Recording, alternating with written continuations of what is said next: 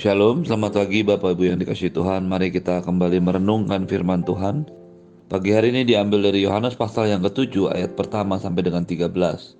Yohanes pasal 7 ayat yang pertama sampai dengan 13. Yesus pergi ke Yerusalem untuk hari raya Pondok Daun. Sesudah itu Yesus berjalan keliling Galilea. Sebab ia tidak mau tinggal di Judea, karena di sana orang-orang Yahudi berusaha untuk membunuhnya. Ketika itu hari sudah dekat hari raya orang Yahudi yaitu hari raya Pondok Daun.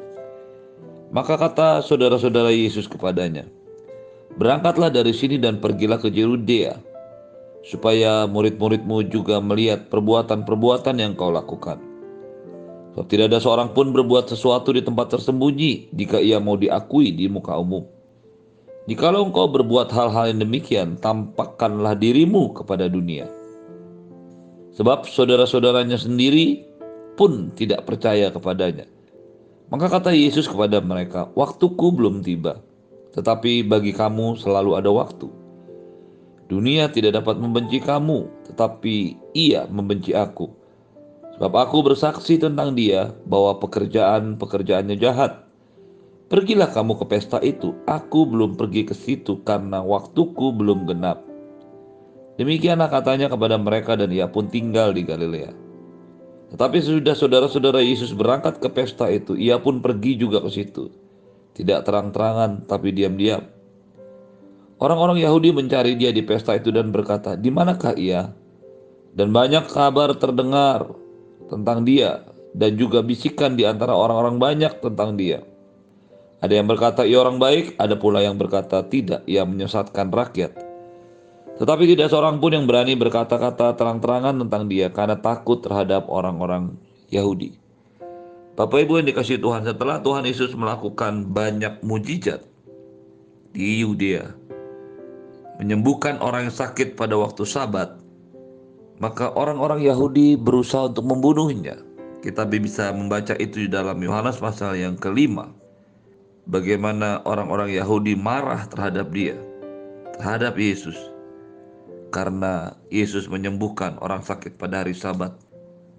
Mereka berusaha untuk membunuhnya dengan cara terang-terangan maupun diam-diam melalui jeratan hukum-hukum Yahudi. Itu sebabnya Tuhan Yesus berjalan berkeliling ke daerah Galilea. Ia tidak mau tinggal di Yudea. Hal yang pertama yang firman Tuhan ajarkan pagi hari ini bahwa jika bukan karena kehendak Tuhan, maka kita tidak boleh pasrah terhadap penderitaan, kesulitan, masalah yang akan kita hadapi. Ketika Tuhan Yesus melihat satu bahaya di daerah Yudea karena orang-orang yang berusaha membunuhnya, dia pun menghindar dan mencari tempat lain di mana dia diterima. Hal ini bukanlah sebuah tindakan pengecut, tetapi merupakan sebuah tindakan ketaatan.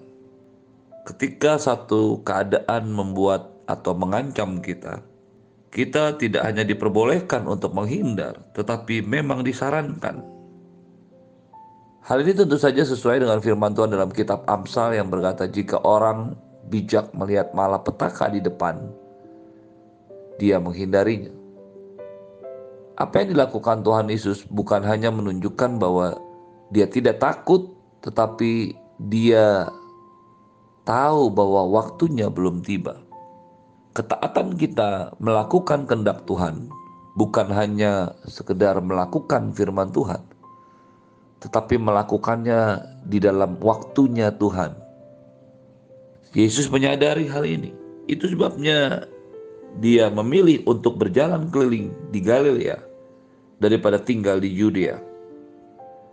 Ketika hal ini terjadi menjelang hari raya Pondok Daun, hari raya orang Yahudi, salah satu hari raya yang harus dirayakan dari tiga perayaan yang harus diikuti oleh semua orang laki-laki di Yerusalem.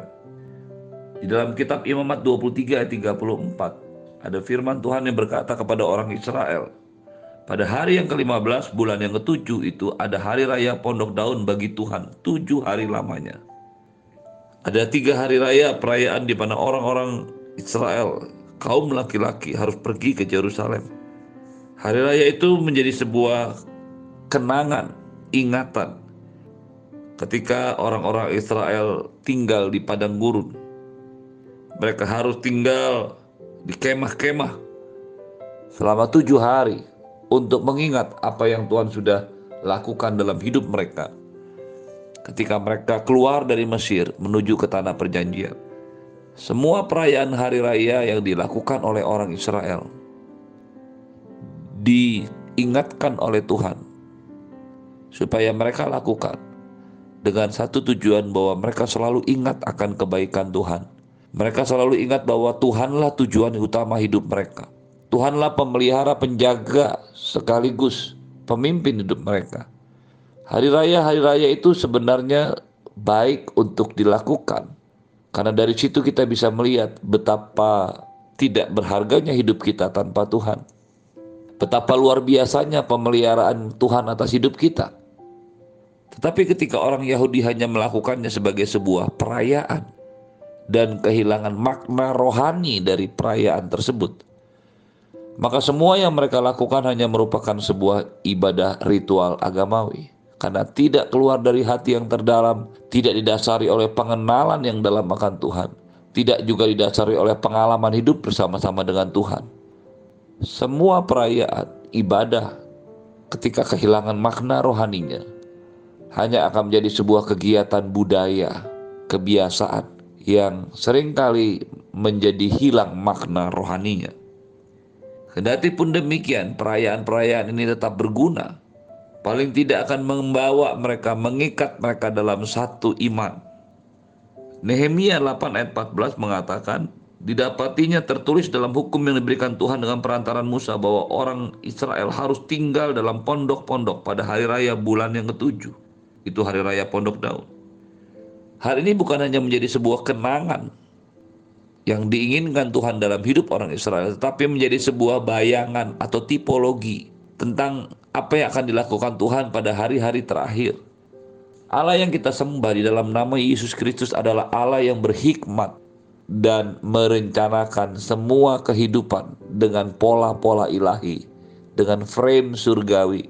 Semua yang terjadi di dalam perjanjian lama merupakan sebuah bayangan tentang apa yang akan dilakukan Tuhan di dalam perjanjian baru hari raya Pondok Daun di mana mereka akan mengingat kebaikan Tuhan dan harus tinggal selama tujuh hari di kemah-kemah atau di pondok-pondok akan menjadi sebuah pekerjaan yang Tuhan akan lakukan tipologi dari pekerjaan Tuhan yang akan Tuhan lakukan pada hari raya Pondok Daun di masa-masa yang mendatang. Bukan lagi menjadi sebuah kegiatan ritual agamawi tetapi sebuah pengalaman bersama Tuhan. Ketika orang Kristen pada masa kini menafsirkan sebuah pengajaran firman Tuhan, sering kali mereka melupakan apa yang terjadi di dalam perjanjian baru sebenarnya merupakan satu kesatuan arti dan makna dengan yang dilakukan Tuhan di dalam perjanjian lama. Apa yang ada dalam perjanjian lama merupakan tipologi, bayangan daripada apa yang akan dilakukan Tuhan di perjanjian baru. Sehingga pada saat penafsiran ayat di dalam perjanjian baru, tidak boleh keluar dari konteks daripada bayangan yang Tuhan sudah berikan juga di dalam perjanjian lama. Dijauhkannya pengertian bahwa perjanjian lama sudah tidak berlaku lagi. Tentu saja hal ini tidak dimaksudkan untuk menyatakan bahwa korban Yesus yang dilakukan di atas kayu salib membuat Anda dan saya tetap harus melakukan korban anak domba atau anak kambing. Yang dimaksudkan bahwa apa yang dilakukan Tuhan di dalam perjanjian lama dan perjanjian baru sebenarnya adalah sama dengan cara pendekatan yang berbeda. Di dalam perjanjian lama Tuhan melakukannya menjadi sebuah ketetapan untuk selalu diingat dan juga sebagai sebuah bayangan apa yang akan dilakukan Tuhan di dalam perjanjian baru.